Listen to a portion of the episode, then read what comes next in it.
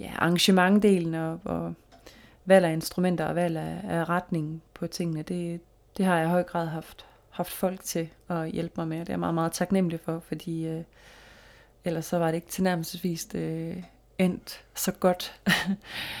øhm, og det er helt klart en af de ting, jeg, jeg også øh, synes er ja, noget af det fedeste ved at arbejde med produktion, at øh, der spilles bold op af, af nogle øh, kollegaer og venner i studiet.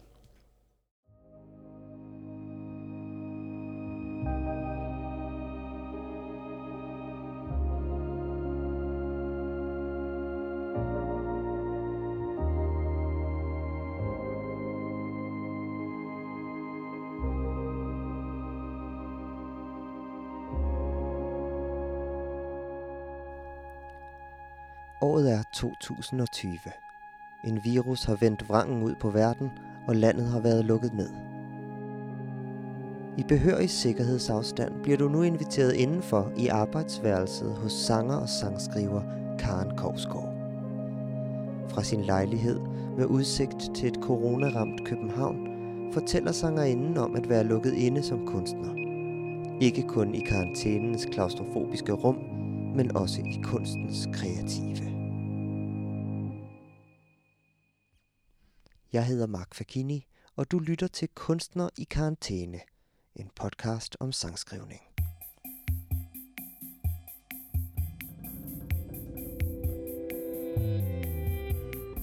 Fordelt over fire afsnit vil Karen Korsgaard dele ud af sine erfaringer, udfordringer og små åbenbaringer som sangskriver. Fra den første inspiration til scenemikrofon og streamingtjenester.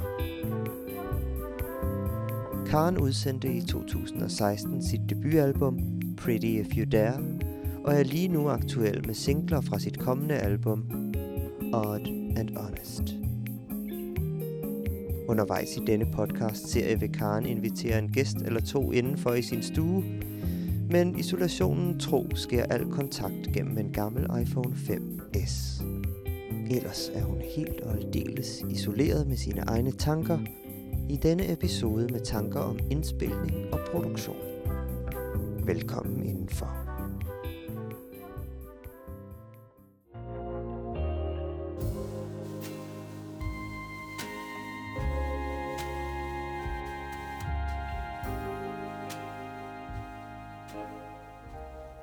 Ja, velkommen indenfor igen her i, øh, ja, i mit lille hjemmestudie, som i dag er rykket ud i mit køkken.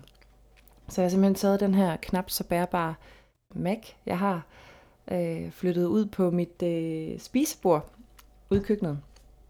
Jeg har mit lydkort med, jeg har mikrofon, refleksionsfilter, oh, en skrivebordslampe her, bum.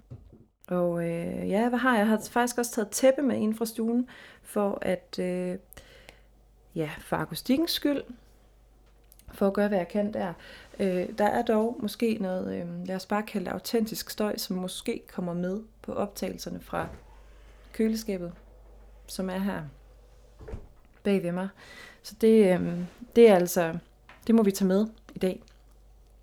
Fordi jeg synes, at, øh, det ved jeg ikke, jeg synes på en eller anden måde, jeg havde lyst til at, øh, at vise jer køkken. Øh, jeg viser jer køkkenet, som, som man nu kan vise det via sådan en podcast. Man kan jo heldigvis vise meget med lyd, og, og det er det, der, ja, det er det, der er noget af det fede ved at arbejde med lyd. Jeg har taget nogle ting med ind fra, fra stuen også, som normalt står faktisk på studiepladsen. Jeg fik dem bare ikke lige nævnt i sidste afsnit. Det er sådan en lille sølvsag. Øh, den ser sådan rimelig opfinderagtig ud. Det er en spilledåse. Dem har jeg faktisk ikke mindre end tre af.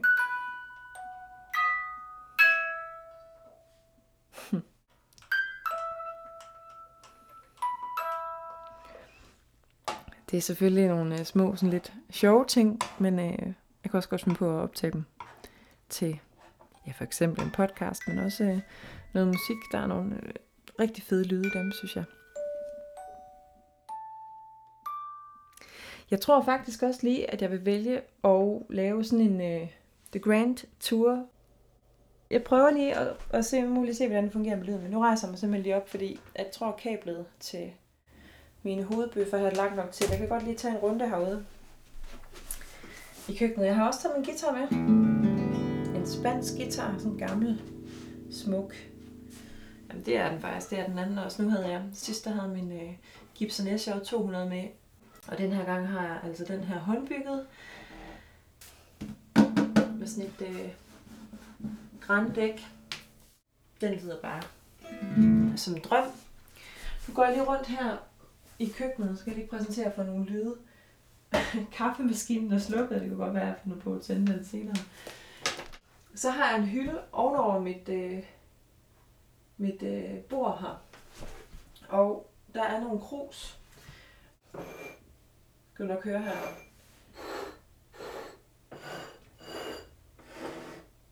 Så den her er faktisk ret god. Meget klar tone. Det er også god. Og nogle, nogle glas herover. Det er sådan noget, jeg synes er, er ret skægt. Altså, det er også derfor, jeg har nogle ret ukurante krus. En af grundene til det i hvert fald, fordi så har de ligesom forskellige toner. Øhm, åbner jeg et skab herover og der har også nogle øh, forskellige glas. Øhm, blandt andet så faktisk vinglas lyder jo ret fedt også. Jeg skal lige have det her kabel med.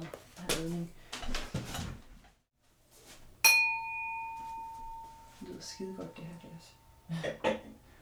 Jeg får lige æresplads. Og så øh, champagne, det lyder så endnu højere igen. Og så har vi øh, her over øh, ud mod gården er det i virkeligheden, men det er, jeg har udsigt, har sådan et stort kvadratisk vindue ud mod et græsareal, og ja, nogle øh, højhuse er der da også sådan lidt derude, men, men øh, et ret åbent areal og et ret sådan øh, helleagtigt sted i den her vindueskamp, hvor jeg også har et, øh, simpelthen et tæppe og puder klar til at sætte sig og skrive en sang. Nu går jeg lige tilbage her. Så, så øhm, det her, vi befinder os i dag, og, øh, og det her, jeg sidder og øh, taler fra i dag.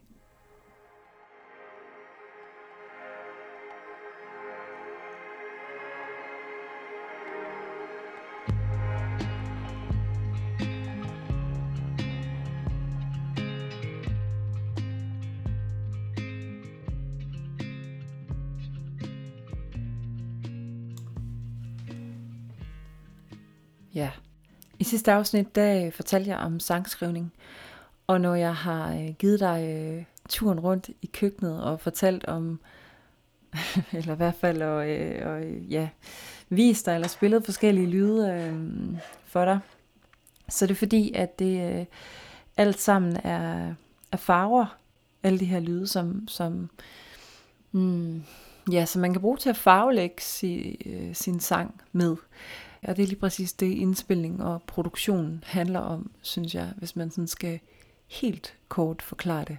Så er det noget med, at man tager sin øh, skitse, eller, eller stregtegning kunne det måske være, sådan en sort stregtegning på hvidt papir. Og så herfra, når ordene er skrevet, teksten er skrevet, melodien er skrevet, så skal sangen farvelægges. Hvis man altså ikke bare vil lade den stå som stregtegning, det kan man jo også. Men hvis man vil indspille den på et album, så kunne man for eksempel farvelægge den i en eller anden bestemt farvesammensætning, som man nu finder frem til. Det tror jeg, det er sådan, jeg øh, allerkortest kan beskrive, hvad indspilning og produktion på en eller anden måde går ud på.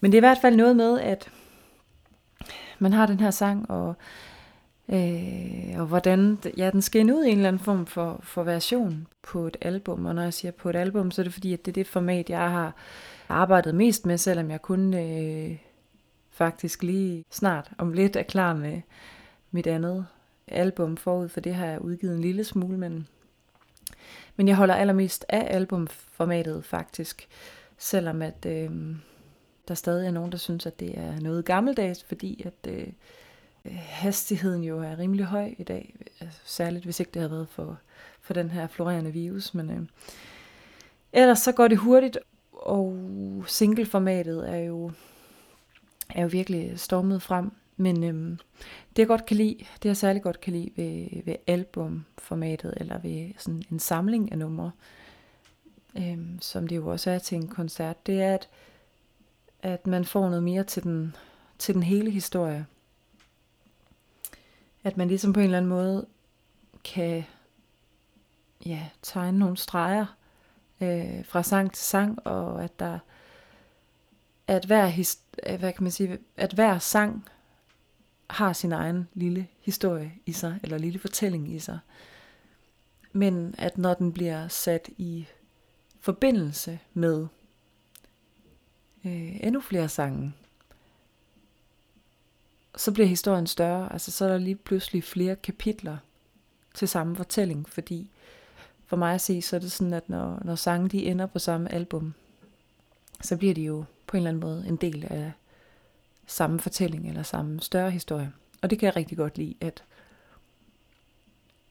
at der er mere til historien på en eller anden måde. Og ja, nogle af mine øh, favoritalbums, der, der synes jeg, der ligger nogle, nogle skatte øh, skjult hist og her.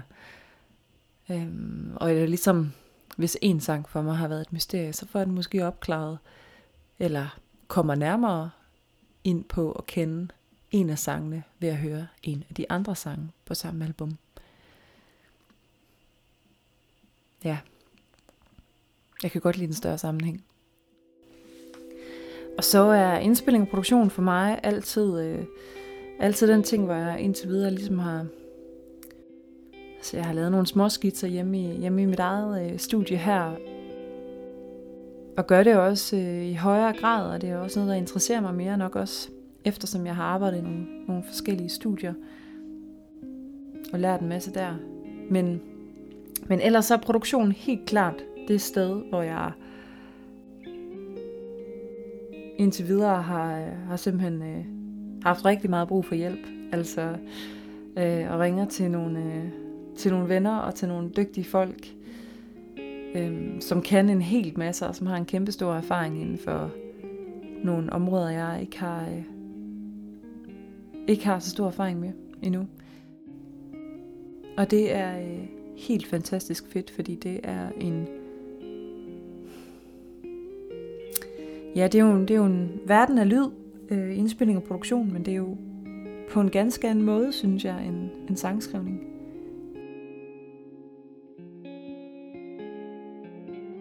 Det er faktisk også i studiet, at jeg genopdager min sang, eller øh, genopdager ja, altså, ser dem i nyt lys. Og jeg tænker egentlig også på en eller anden måde, at det er det, produktion gerne skal kunne. At det skal kaste et lys på sangen. Og så kan det her lys jo så, som sagt, være i forskellige farver. Alt efter, hvad der er brug for. Ja, arrangementdelen og, og valg af instrumenter og valg af, af retning på tingene, det, det har jeg i høj grad haft, haft folk til at hjælpe mig med. Det er jeg meget, meget taknemmelig for, fordi øh, ellers så var det ikke tilnærmelsesvis øh, endt så godt.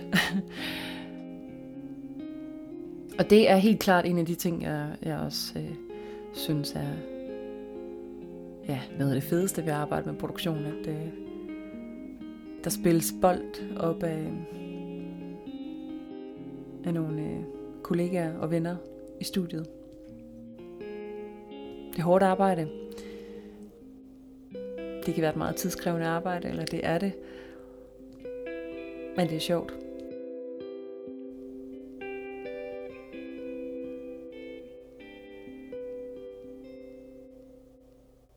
Ja, men altså for nu at blive lidt i den her metafor omkring, at øh, det at ja, gå i studiet med noget musik, det at indspil og producere på en eller anden måde er at farvelægge den sang eller den komposition, øh, man tager med sig i studiet yderligere så er der nogle forskellige knapper, man ligesom kan, kan dreje på, og nogle sådan primære ting, man arbejder med. Øhm, og hvis jeg sådan lige skal prøve at komme omkring nogle af dem, bare lige for at, at give dig et indblik, uanset hvor du lige øh, befinder dig henne, øh, om du selv spiller musik, eller selv øh, lever af musik, eller om du aldrig har rørt et instrument før, det er sådan set øh, ligegyldigt. Nu prøver jeg bare lige at tage den lidt pædagogisk her, men nogle af de ting, man kan arbejde med i, i indspilling, det er selvfølgelig først og fremmest, hvordan vælger man at indspille. Det kunne være, om man indspiller det som et orkester, der ligesom har, har arrangeret sangene sammen og øvet dem op, og man finder et godt rum og indspiller ja, sangen fra, fra start til slut som orkester.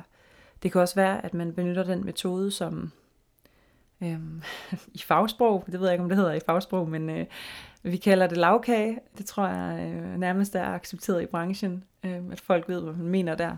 Det er et... Øh, at det er, når jeg siger lavkage, så, så mener jeg det på den måde, at man åbner sit lydprogram, og så ligger hvert instrument, øh, der optages ligesom i hvert sit spor. Det betyder, at man kan klippe og redigere i det, øh, som man har lyst til efterfølgende. Så det giver, nogle, altså det giver en fleksibilitet at arbejde på den måde. Det gør så også måske, eller det har måske den hage, at, at man jo så på en eller anden måde måske kan blive ved med at klippe klistre lidt. Men det kan man altså med den her lavkage-teknik. Øh, man kan jo også indspille live, for eksempel. Så er der sådan selve instrumenteringen og, øh, og de effekter, man lægger på. Øhm, ja, og der er der jo lige så mange muligheder, som der er instrumenter til, hvis ikke flere, fordi så ikke nok med, at der er forskellige instrumenter, hvad for en melodi skal de have, eller rolle skal de have, og øhm, hvor skal de placeres hen i mixet, skal de ligge øh, i baggrunden, eller skal de ligge i forgrunden, eller skal de panoreres ud øh, left-right, eller der er simpelthen fuldstændig uanede muligheder også der, og effekter, der kan lægges på, enten via pedaler eller i det lydprogram, man nogle gange arbejder med. Øhm, så instrumentering og effekter. Så er der sådan noget som tempo og tonart, man også kan arbejde med. Øh, sangen er, altså i hvert fald når jeg har skrevet en sang, så har jeg, øh, ja, så, så har den et eller andet grundtempo for mig. Øh, et eller andet sted, hvor sangen føles godt, og en tonart, jeg, jeg har skrevet den i. Men jeg har det faktisk sådan, at, at medmindre jeg har en fuldstændig klar idé om, hvordan jeg vil have sangen indspillet, så er det egentlig øh, nogle ting, der er til salg, når jeg tager sang med i studiet. Så er jeg helt åben for, at øh, tonarten godt kan, kan være ja, grundtonarten, kan man sige, eller grundtonen godt kan ligge en tone højere, end, end jeg oprindeligt skrev den. Og at tempoet kan, kan være anderledes, end, end jeg også oprindeligt skrev den. Så ja, når jeg øh, går i studiet, så ligesom, så, øh, så bliver alt muligt endnu en gang, og øh, ja, alt kan ske. Og øh, det er noget af det, der er rigtig, rigtig sjovt, men der har jeg heldigvis øh, nogle legekammerater, som sagt, at spille bold opad, og som har kæmpe meget mere erfaring, end jeg har inden for indspilling og produktionsområdet. Øhm, og så har de jo bare nogle nye øjne og ører på, og idéer, og, øh, som er helt vildt fede, fordi at øh, på det tidspunkt, hvor jeg går i studiet med sangen, der kender jeg jo sangen ret godt. Øhm, og så det der med at få kastet nyt lys på, og øh, nye tanker og idéer, så det ikke bliver sådan noget helt øh, navlepilleri, det er, det er ret godt, tror jeg.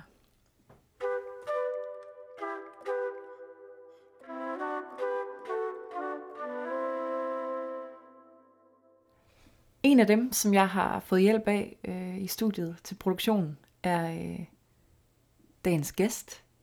Bu Gunnarsen har inviteret med indenfor her i dag. Øhm, og han er trommeslager. Han har en kandidat som trommeslager fra Musikkonservatoriet. Han producerer musik. Han har sit eget studie lidt uden for Vejle. Og så optræder han i flere forskellige sammenhænge. Blandt andet spiller han trommer live i bandet for artisten Greta. Og jeg har også selv haft fornøjelsen af at have boomet de sidste syv år, når vi optræder med band. Og jeg vil lige nævne, at jeg har klippet lidt i det interview, du nu skal høre, da det tidsmæssigt stak lidt af. Men øh, her er i hvert fald en god del af det. Så lad os lige prøve at høre, hvordan det gik, da jeg ringede til Bue for at høre hans tanker om indspilning og produktion.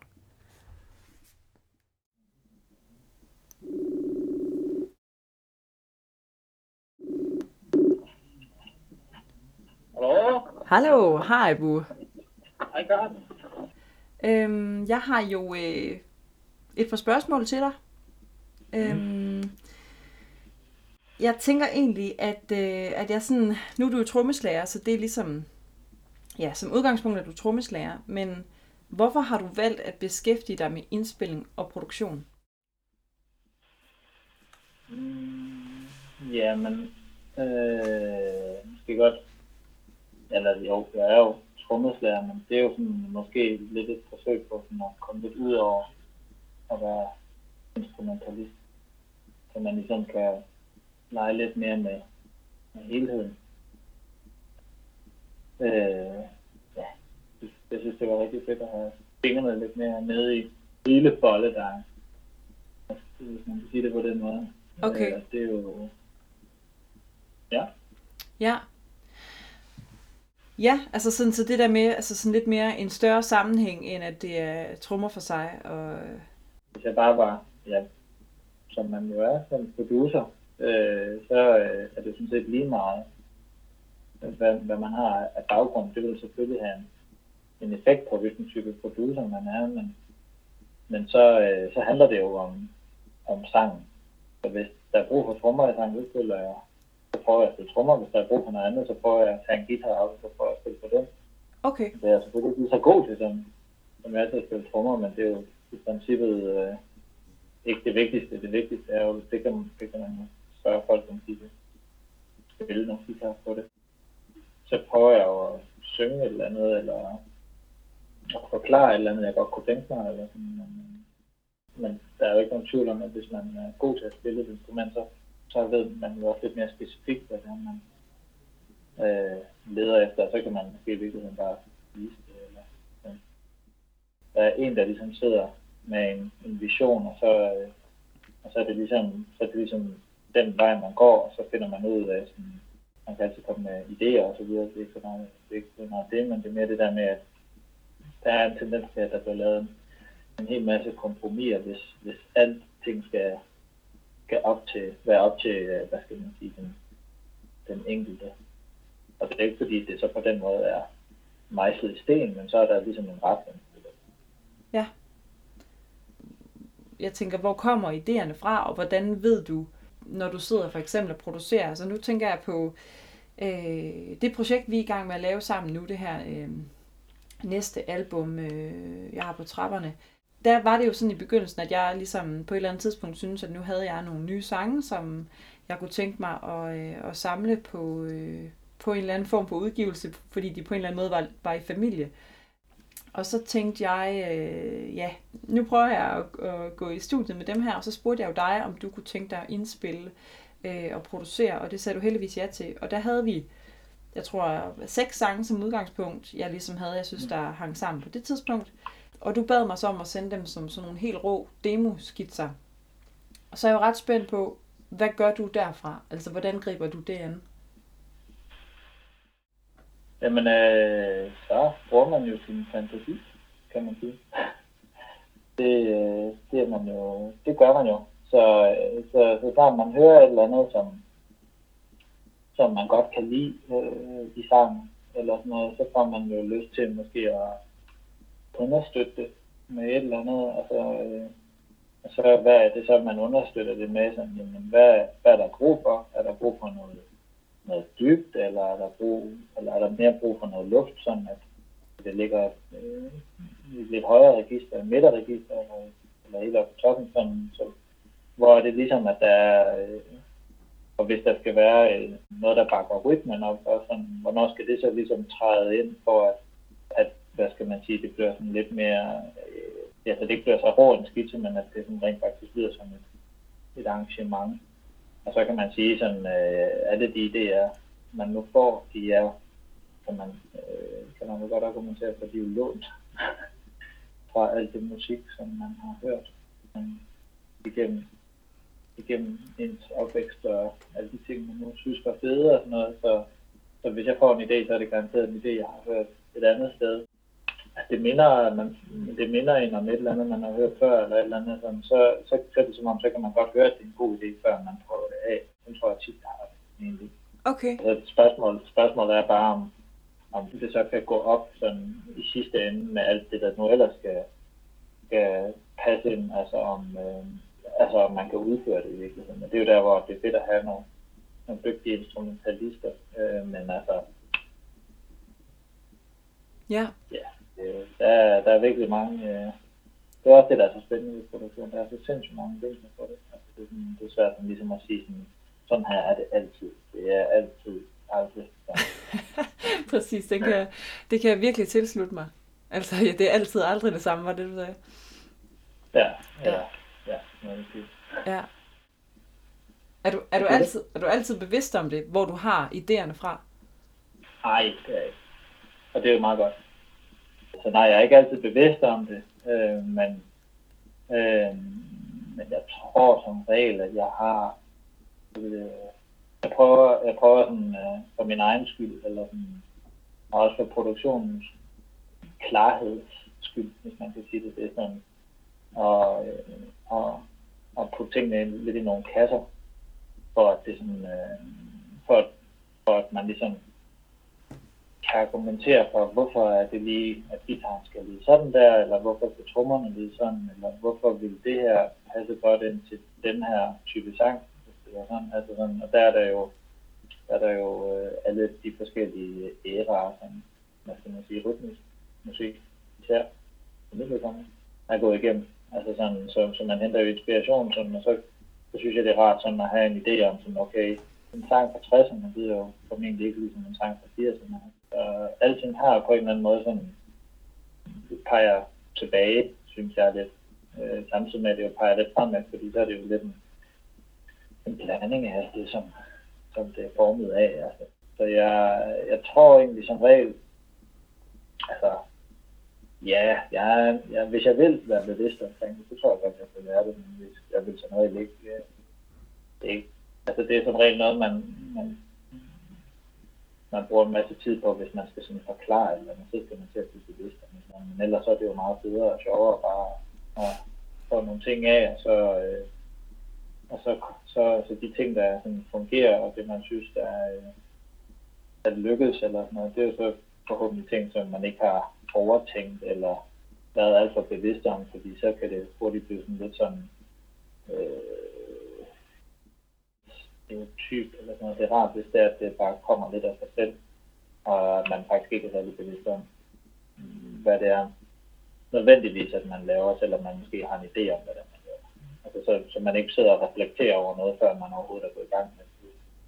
Hvis man, øh, hvis man er nysgerrig, så sker der som regel nogle, øh, nogle rigtig gode ting, i stedet for, at man ligesom ved, hvad det er, man vil på forhånd, fordi så, så er det ikke så spændende. Altså, og det kan, man, det kan man som regel godt høre, når folk spiller musik, om de er, om de er, øh, det er sådan en virkelig god balance mellem at være, mellem at være øh, søgende, samtidig med, at man jo så bare ikke er faret vild.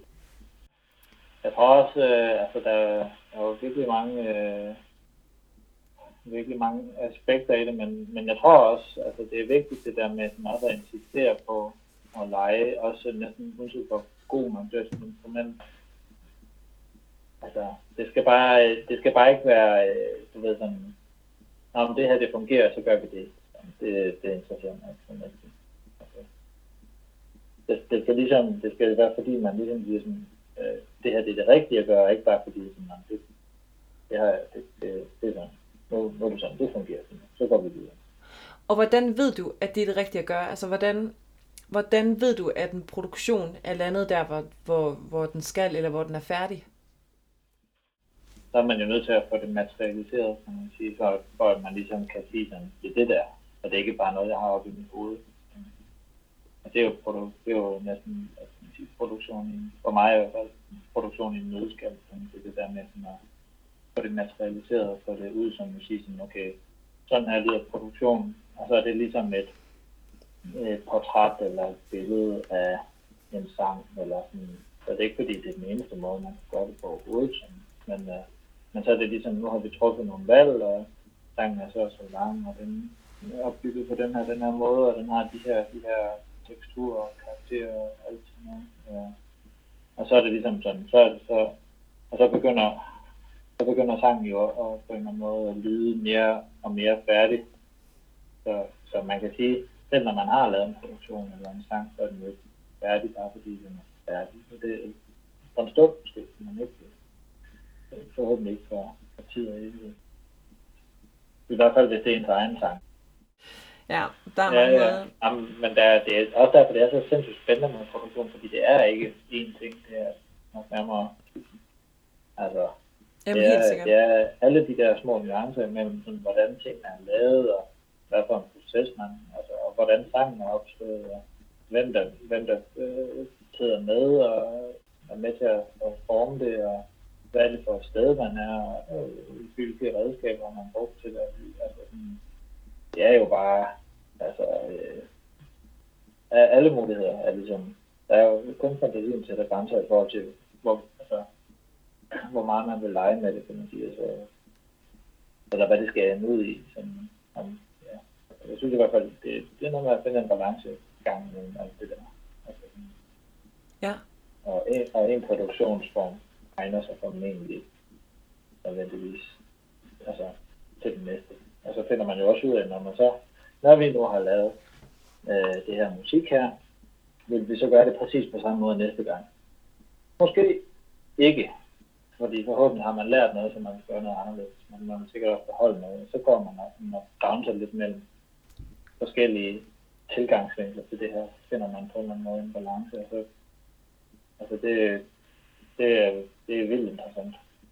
Sådan den, hvad skal man sige, den lidt længere proces, mm. alle de små processer, man har været igennem. Sådan, hvad er det, der sådan, ligesom definerer ens øh, i tankegang, eller sådan, i, hvad, hvad man synes fungerer godt, og hvad der ikke fungerer godt. Eller, hvad fungerede godt på det tidspunkt, og hvorfor gjorde det det, og altså, det er, det er spændende.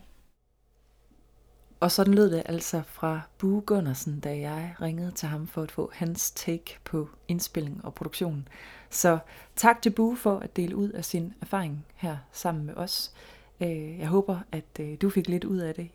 Jeg synes i hvert fald, at jeg hæftede mig ved et par guldkorn undervejs. Blandt andet det her med, det er altid aldrig det samme. Og det er en balancegang mellem at være søgende, samtidig med at man ikke er faret vild. Og så det her med på den anden side af et øh, musikalsk øh, arbejde, eller på den anden side af et musikalsk projekt, ligesom at øh, reflektere over alle de små processer i den store proces.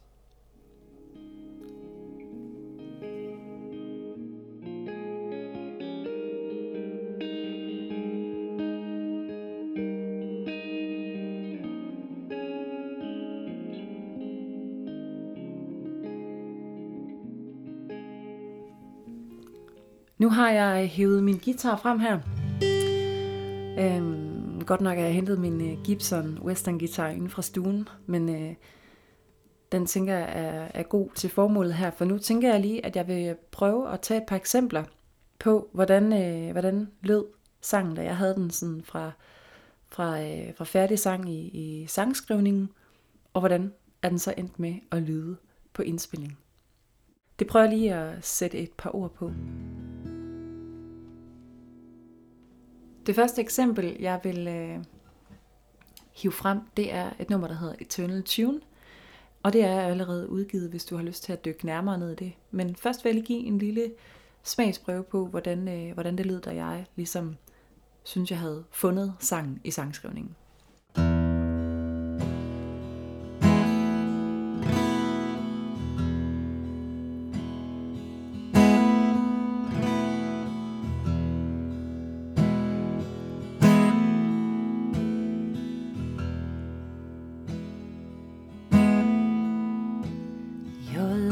Like a ticking tambourine.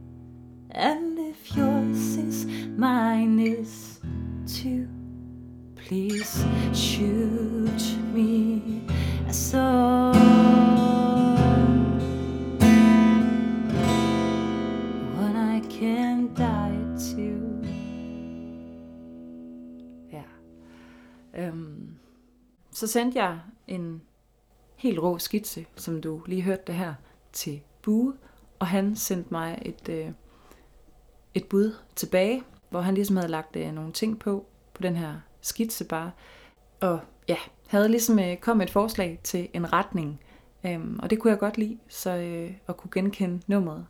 Og så indspillede vi det hos ham, og det vi hiv frem, som var specielt ved produktion af det her nummer, det var, at øh, det er jo ligesom om, den ville ikke rigtig løse sig. Altså der var virkelig nogle udfordringer.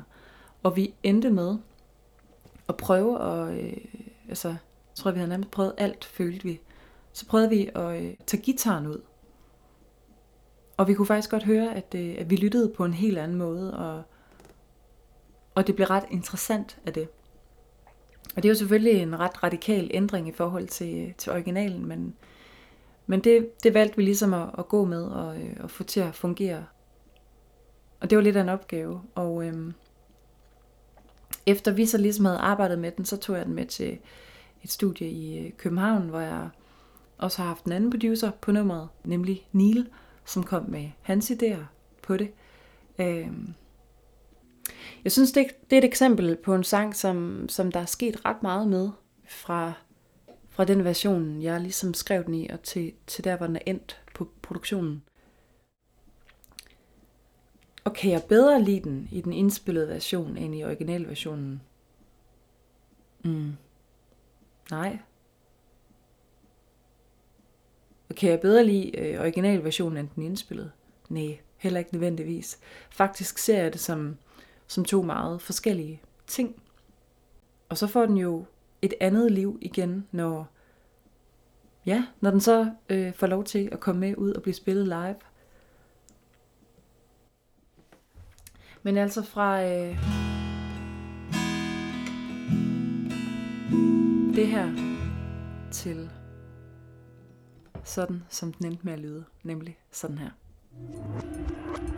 You're pleasant, but you're playing on repeat.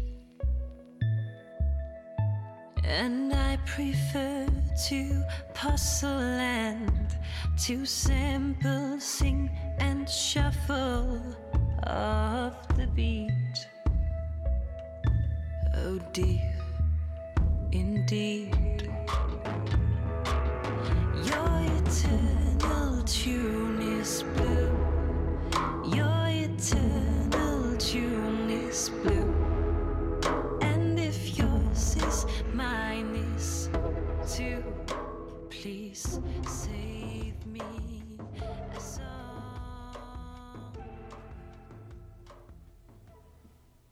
Et nummer, som jeg også havde med i sidste afsnit af podcasten, hvor jeg gik lidt mere i dybden med sangskrivningsprocessen, har jeg taget med i det her afsnit også. Jeg vil egentlig ikke sige så forfærdeligt meget om det andet, end at det er et nummer, der hedder My Alien. Og øh, det du nu skal høre, det er tre forskellige klip af sangen, hvor du på en eller anden måde får lov til at høre udviklingen. Så det første lille klip er fra sangskrivningsprocessen, hvor jeg sidder og spiller og synger det, skriver det. Det andet klip er fra øvelokalet, og det tredje klip er fra, hvordan den er endt med at lyde i studiet. By grandma's piano, I'm live. I can sit on my own, I have time. Do you hide, do you hide to be found? Did you know not a library is word? While my fingers are moving, I hear the jump from major to mine. Ja, så det var altså fra sangskrivningshulen, og så kommer her et klip fra øvelokalet.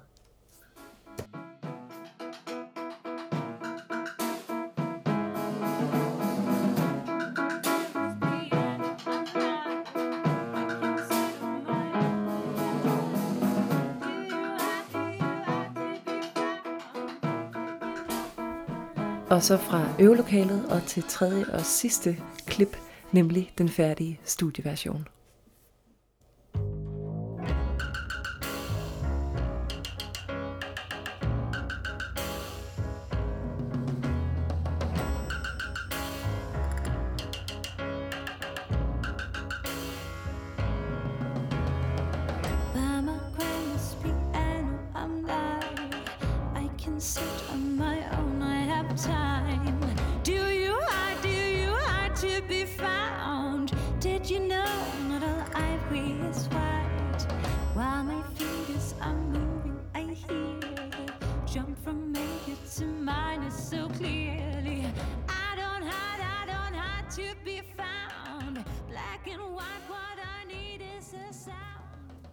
Det var altså et bud på en studieproduktion, som jeg synes øh, er endt vellykket. Bue fandt ligesom på de her øh, trommer øh, i øvelokalet, og nummeret er indspillet og produceret i København af Neil Furio og Brian Mørk Hansen, to virkelig dygtige folk også.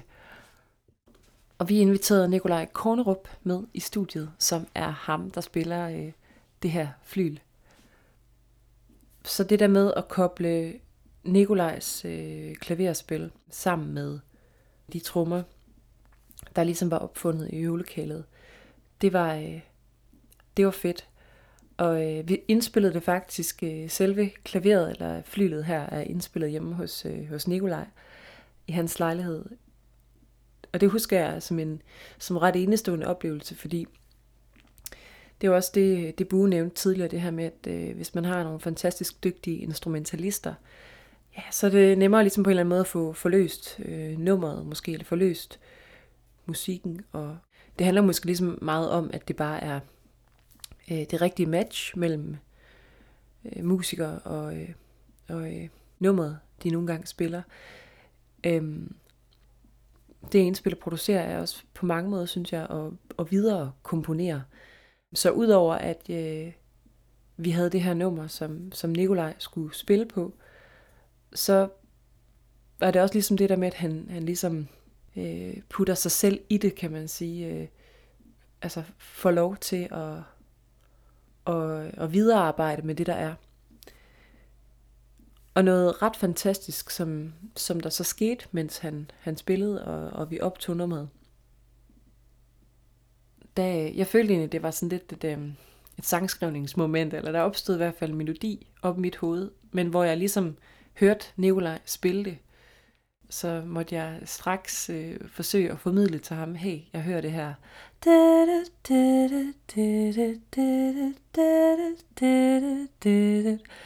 Og jeg kunne høre, hvordan han ligesom øh, kunne spille det, så jeg måtte ligesom forsøge at sige, hey, kan du spille det her? Fordi jeg, kunne ikke, øh, jeg havde ikke selv evner til at kunne spille det, som jeg, som jeg hørte det op i hovedet. Øhm, men det kunne jeg på en eller anden måde høre, at, øh, at han kunne, og øh, det kunne han i høj grad, og nærmest mere til. Og så fik han ligesom bare lov til at slå sig løs til sidst, og øh, ja, og køre der ud af og lave en øh, helt vidunderlig afslutning. Øh, skulle lige prøve at få lov til at høre her.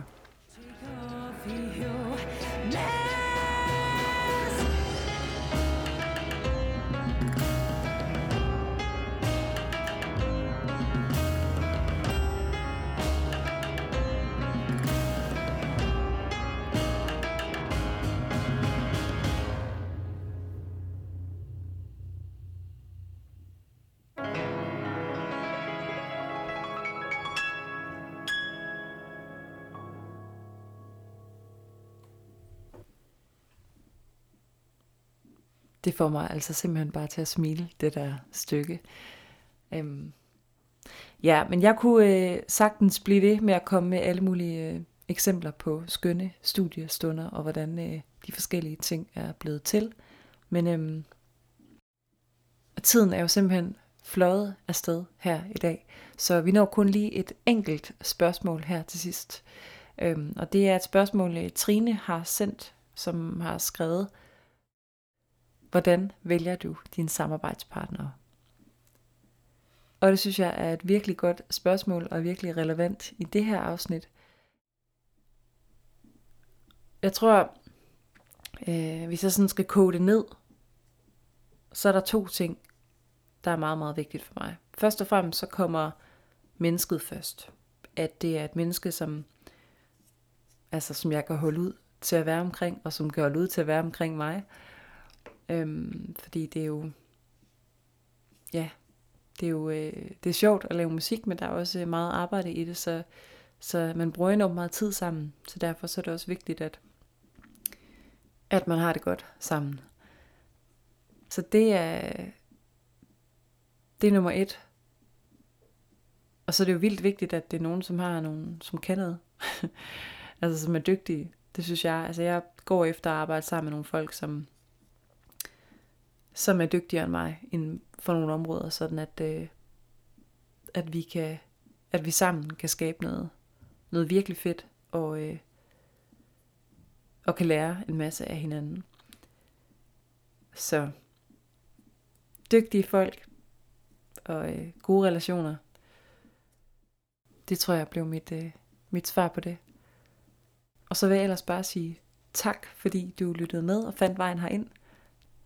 Det har været en fornøjelse endnu en gang. Så pas godt på dig selv, og øh, jeg håber, vi høres ved i næste afsnit. Du har lyttet til andet afsnit af Kunstner i karantæne.